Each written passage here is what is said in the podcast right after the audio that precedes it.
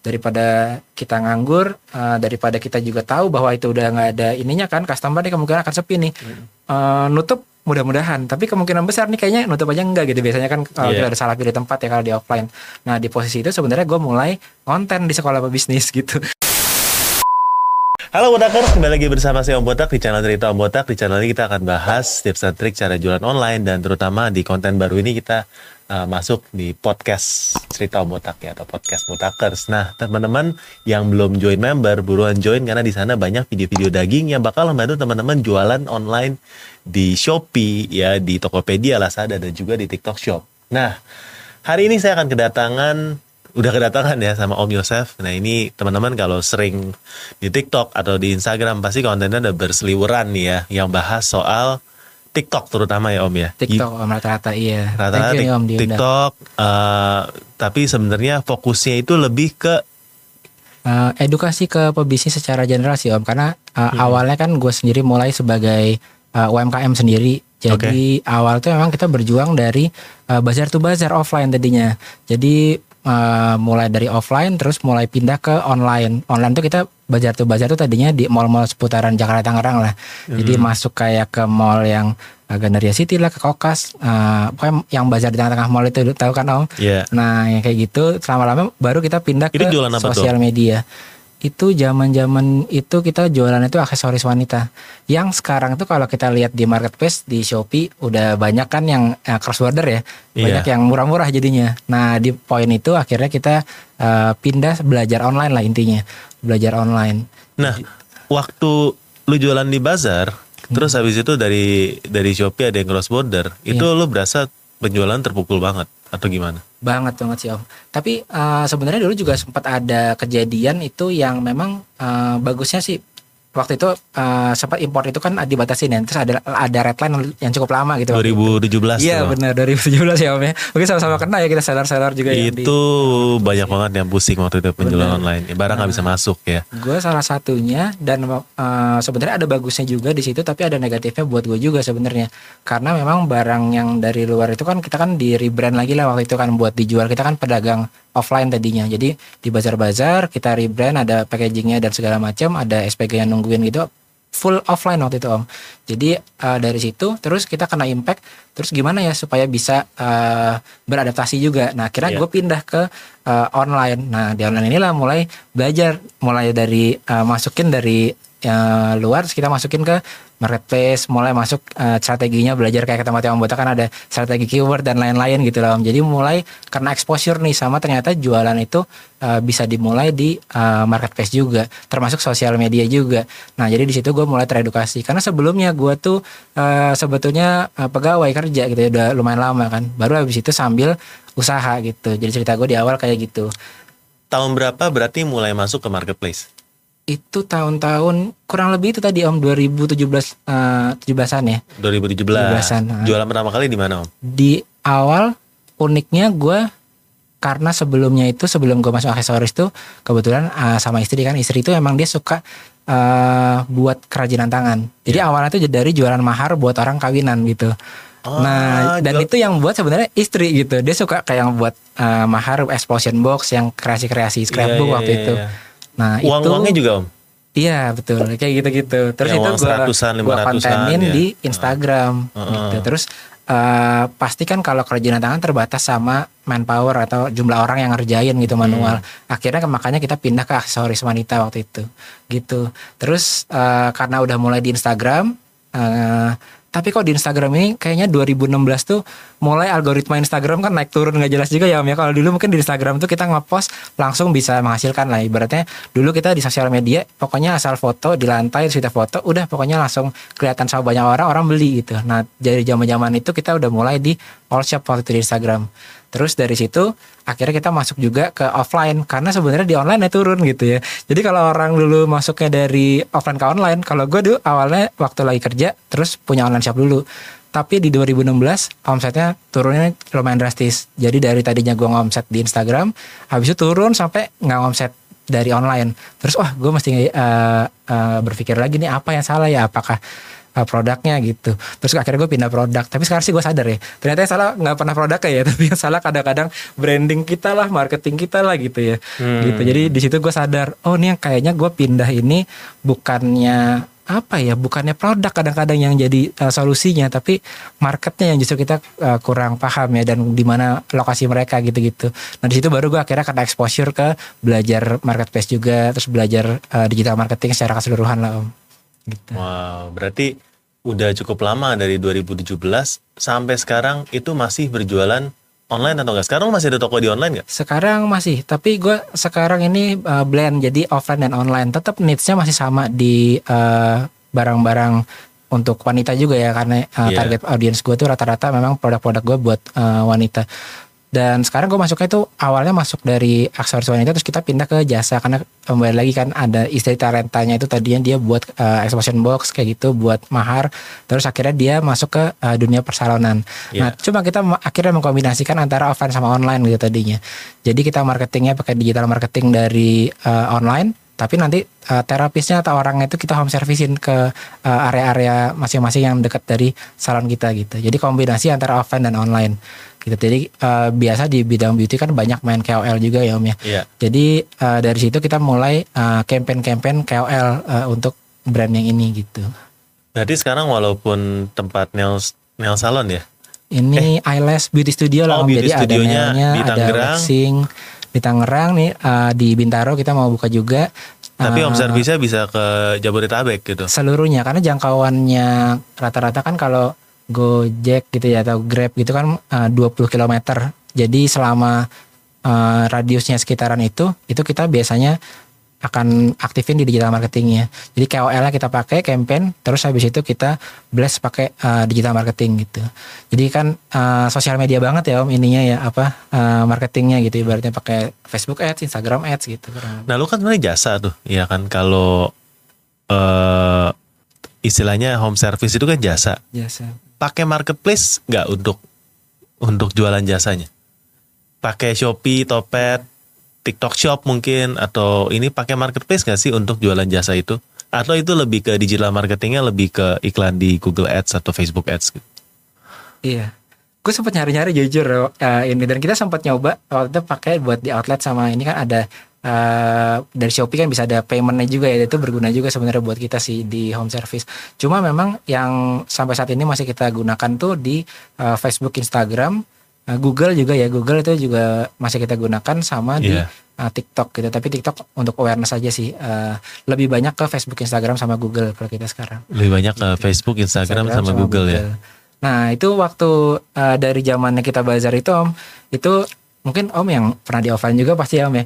Kita kalau udah masuk ke bazar kan banyak anggurnya ya, apalagi kalau salah tempat ya pemilihan ya. Berarti kayak kayak gimana ya? Udah bayar berapa juta, Iya, sepi. Kalau nggak ramai cuma hari Sabtu Minggu doang. Minggu. Ya gitu ya. Nah, itu kita rasain banget tuh. Jadi kayak udah bayar buat dua minggu, terus uh, mungkin ada SPG juga. Terus kita udah tahu nih, wah ini udah pa- pasti bakal sepi nih dua minggu ke depan gitu kan. Ini kita ngapain ya aktivitasnya ya? Tapi waktu itu gue kepikiran juga sih sambil belajar belajar online itu daripada kita nganggur, uh, daripada kita juga tahu bahwa itu udah nggak ada ininya kan, customer nih kemungkinan akan sepi nih. Uh, nutup mudah-mudahan. Tapi kemungkinan besar nih kayaknya nutup aja enggak gitu. Biasanya kan kalau Iya. kita ada salah pilih tempat ya kalau di offline. Nah di posisi itu sebenarnya gue mulai konten di sekolah bisnis gitu. Jadi eh, waktu sepi itu eh, di awal-awal juga kita belum eh, banyak lokasi offline buat bazarnya. Yang nungguin tuh masih gue sendiri juga sama istri. Terus gue nungguin dari pagi sampai eh, malam kan sel- selama ya dua minggu itu gitu. Terus ngapain ya ini sambil nungguin kayak gini ya? Ya udah akhirnya konten lah. Kontennya di? Di tempat bazar lah om. Gitu waktu Untuk itu. sekolah pebisnis? untuk sekolah pebisnis gitu. Oh jadi itu adalah platform yang yang Om buat untuk sebenarnya waktu itu gue sharing sharing gitu. Eh, sharing sharing dari diri gue sendiri kan. Gue pikir dari gue karyawan gue masuk ke bisnis kok ternyata nggak segampang yang katanya bisa apa? Time freedom ya Om ya. time freedom bisa financial freedom kok gue malah Iya. nungguin nungguin stand lama banget nih gitu. Terus abis itu eh, nggak ada yang beli juga susah ya ternyata ya jualan itu ya nggak segampang itu gitu. Nah terus di perjalanan itu akhirnya gue sharing konten-konten yang sebenarnya gue ngeliat konten di sosial media nih. Terus wah kalau gue berguna buat gue konten-konten itu gue sharingin lagi deh di sekolah pebisnis tadinya gitu. Iya. jadi akhirnya gue reshare lagi karena gue yakin banyak orang-orang yang kayak gue gitu yang dari tadinya kerja uh, pegawai tapi dia pengen sebenarnya punya kemampuan atau harapan buat jadi pebisnis kan. Tapi mungkin nggak semuanya tahu uh, seperti gue juga waktu itu gitu. Nah habis gue share aja uh, ke sekolah pebisnis gitu. Yang paling signifikan uh, beratnya apa sih kalau dari karyawan turun turun jadi terus ganti jadi pebisnis? Bedanya apa sih atau memang yang paling berat sebenarnya secara mindset apa sih dari tadinya karyawan jadi pebisnis? Kalau gua tuh lebih ke arah uh, kayaknya kalau kita ya ngomongin tuh uh, naik turun security-nya itu yang atau uh, jaminan kerja gitu kan kalau kita beli kerja ya. Karena orang tua gue tuh dua-duanya tuh satu PNS satu lagi uh, dosen gitu ya. Makanya begitu di sekolah bisnis ya gue cocok nggak cocok juga uh, gue menemukan sama nih kayak passion uh, ibu gue juga karena dia dosen sampai sekarang gitu kan. Nah gue tuh datang dari yang emang sama sekali bukan dari uh, dunia dagang gitu dunia bisnis. Yeah. tapi gue lompat kan. Nah tapi untungnya sebenarnya gue mempelajari dari dunia uh, satunya lagi itu istri gue jadi istri gue tuh uh, ayahnya dia itu uh, dagang lah om. Jadi akhirnya belajar mindsetnya kan. Oh gini tuh. Oh kalau misalnya kita ngelola orang kayak gini buka toko itu kayak gini. Terus nanti setelah buka toko tuh uh, gimana sih caranya supaya kita kan kalau jadi owner ya om ya mungkin kita risknya di kita lebih banyak uh, tapi lebih secure ke uh, karyawan kita kayak gitu nama mindset itu yeah. berani ngambil tantangan di depan dulu nanti uh, gimana langkah selanjutnya ntar kita pikirin lah sebagai owner kayak gitu kan itu uh, mindset mindset pebisnis itu tuh gue belajar dari uh, ini sebenarnya uh, ayahnya istri waktu itu oh gitu. di papa mertua ya papa mertua gitu nanti gue belajar mindset sih dari yeah, situ juga ya kalau kita jadi karyawan kitanya lebih secure tapi bosnya lebih nggak secure. Tapi rewardnya lebih gede dia daripada kita. Iya, cuma ya kalau ya, kadang-kadang sebaliknya ya. Iya, sebaliknya ya, ya. Kadang-kadang uh, kasih ke karyawan dulu ya, baru kita gajiannya terakhir gitu kan ibaratnya ya. Kalau kita gajian. Kalau kita gajian bener bener. Kadang kalau lagi minus ya nyuntik lagi. Nyuntik lagi. Iya. Gitu. Nah, nah, jadi kalau sekarang di sekolah pebisnis itu kan platform yang didirikan dari tahun berapa tuh sekolah pebisnis 2017 pas lagi Iya, pameran-pameran ya. Pameran-pameran 2016, 2017, 2018 gitu. Itu sekarang uh, lagi bahas apa sih yang yang yang biasanya paling banyak diminati di sekolah pebisnis itu? Kalau sebagai istilahnya akun media atau akun publik ya kalau di yeah. Instagram yang orang bilang ya ini kita lebih fokusnya ke motivasi inspirasi buat orang yang mulai bisnis.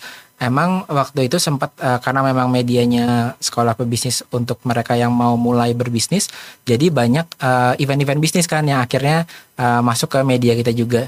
Nah sebenarnya dari situ akhirnya uh, mau nggak mau saat itu mulai ada sosial media itu trennya kan personal branding ya om ya.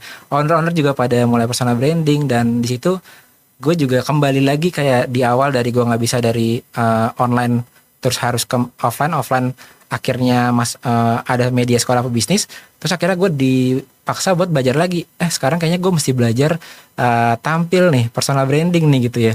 Nah di situ gue mulai untuk ya ningkatin akun personal. Karena buat gue sebenarnya yang uh, akun si media sekolah pebisnis ini memang tujuannya untuk media memotivasi dan menginspirasi gitu. Mm. nah begitu gue konten ternyata kan uh, makin lama makin banyak orang yang kayaknya gue mau mulai bisnis nih. Akhirnya DM DM ke sekolah bisnis kan.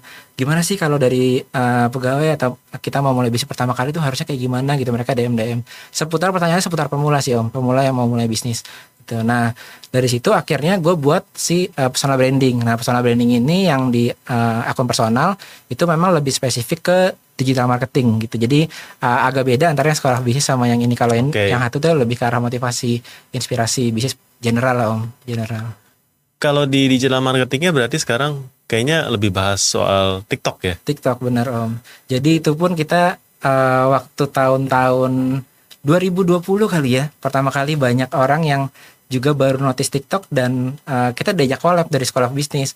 Ayo dong uh, ngonten di TikTok gitu. Jadi diajak kolaborasi sama TikTok.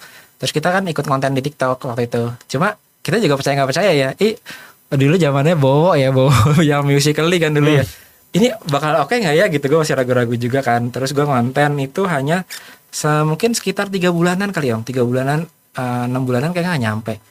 Terus kita memutuskan ah udahlah kayaknya uh, fokus ke Instagram aja yang masih sosial media yang masih oke okay waktu itu. Ya udah akhirnya uh, kita lihat perkembangannya di TikTok juga. Wah ternyata dalam waktu beberapa bulan setelah kita nggak aktif konten banyak yang ini ya Naik ya? eksplosif ya, naik itu eksponensial ya baik itu yang si kreator atau seller ya gitu Iya. terus di situ baru waduh ini kehilangan momentum nih gue gue yang kemarin itu gitu Oh akhirnya malah nyesel jadi. Iya jadi nyesel oh, mungkin itu juga dirasakan buat para teman-teman eh, nggak tahu mungkin seller atau kreator yang eh, baru mulainya agak belakang gitu atau bahkan yang sekarang belum mulai gitu mungkin merasakan sama kayak gue waktu itu gitu. Tapi untungnya begitu lewat kayaknya setahunan terus nyemplung lagi masuk lagi ke eh, kreator ya kreator di TikTok gitu. Jadi akhirnya create konten di TikTok lagi cuma bedanya kan kalau TikTok kan personal banget ya om. Kayak gue Iya. belum pernah nemuin akun media yang benar-benar berhasil eh, masuknya ke TikTok gitu tanpa ada wajah personalnya gitu. Nah kayaknya emang TikTok tuh kan benar-benar personal branding banget. Jadi akhirnya ya udah as a personal konten di TikTok gitu. Nah dari situ baru mulai akhirnya eh, di sekolah pebisnis kita ada pelatihan buat eh, TikTok itu, especially buat TikTok Hmm. gitu. Karena juga diajak kolaborasi sama TikTok. eh, mau nggak bro ini eh, sebagai agensi TikTok juga gitu. Karena ngebantu mereka kan ngelihat kita udah edukasi UMKM kenapa nggak sekalian juga as an agency bantu juga nih yang eh, TikTok seller gitu. Jadi akhirnya oke selama sama kan kita juga kan awalnya media buat orang supaya motivasi inspirasi. Terus eh, TikTok juga nawarin jadi oke kita mulai jadi agensi TikTok juga gitu. Nah kalau sebagai agensi TikTok sama yang lo bantu kan pasti brand-brand ya, shop ya. ya Dari yang sukses, traits apa yang lo lihat tuh penting atau gimana sih eh, bisa bikin toko yang sukses ya? Eh, Hmm, Ciri-ciri iya, apa iya. yang harus mereka punya gitu? Menarik sih om, karena gue dulu awal waktu dari Instagram itu gue treatment TikTok sama dengan ini sosial media TikTok ya, treatment sama dengan eh, Instagram. Instagram. gitu. Eh, tapi begitu misalnya gue nge-live kayak di Instagram live, kalau nge-live itu orang yang followers kita ngeliat kan semuanya dan mereka udah ada eh, attachment sama kita dari live sebelum-sebelumnya dan mereka lebih pay attention. Tapi kalau di TikTok selama yang gue pelajari dari eh, beberapa seller itu justru 70-80% itu semua audiens baru yang audiens lama cuma 20-30% Yes. walaupun yang live tiap hari kan berarti wah baru gue sadar sih wah ini dua ini ternyata beda banget ya karakternya ya terus eh, sinergi ya kalau yang, yang di Instagram tuh nggak ada sinergi antara VT sama live ternyata di TikTok eh, sinergi banget kan eh, dua itu terus yang jarang dieksplor sama Sinerginya orang. maksudnya apa tuh? Jadi misalnya kita ada VT yang lagi bagus tinggi gitu Iya. uh, FYP sebisa mungkin kita langsung live karena kemungkinan besar kita akan dipush kan ke VT yang FYP itu ada buletannya logo kita terus uh, orang akan notice oh nih uh, masuk ke tempat kita lalu langsung masuk ke live-nya gitu terus uh, banyak juga yang bilang gue live tapi sepi ternyata banyak yang setelah live justru algoritmanya itu menaikkan keranjang kuning ke audiens-audiens setelah kita live. Jadi kayak ada apa istilah kalau di digital marketing retargeting organik gitu ya Om ya. Jadi walaupun di live ini mungkin kita nggak banyak yang lihat, tapi setelah live-nya itu postingan kita tuh naik lagi gitu disebarin lagi. Nah, jadi dia punya sinergi itu sebenarnya yang gue lihat nih unik nih sebenarnya nih. Jika dibandingin sama si uh, IG gitu. Iya. Nah, sinergi itu. Terus sinergi yang selanjutnya itu adalah si afiliator sama ads. Nah ini gue juga uh, menurut gue ini cukup unik sampai ini di copy sama Meta sekarang ya. Jadi mereka tuh punya afiliator kalau di TikTok dari afiliator mereka bisa dinaikin ke ads kan om istilahnya tuh uh, Spark Code Ads mereka tuh. Jadi Spark Ads ya. Spark Ads bener. Jadi kita minta Spark Code-nya terus nanti kita iklankan gitu. Nah sekarang kayaknya awal tahun 2023 itu Meta mulai ngasih fitur itu sekarang di uh, Ads Manager mereka gitu. Iya. Nah itu memang sih efeknya cukup powerful sih Om karena kita melihat dari mungkin kalau teman-teman mungkin di sini ada yang seller ngelihat dari TikTok uh, Creative Center gitu ya. Itu kan suka bisa nyontekin iklan-iklan orang ya Om ya. Terus kita lihat di kayak TikTok Ads Spy Tool misalnya yang lihat-liatin iklan-iklan di TikTok gitu. Itu kelihatan banyak dari yang performingnya bagus. Itu sebenarnya mereka pakai kreator Spark Ads tadi gitu. Jadi Hmm. uh, ada hubungan antara sinergi si afiliator sama si uh, ads tadi gitu.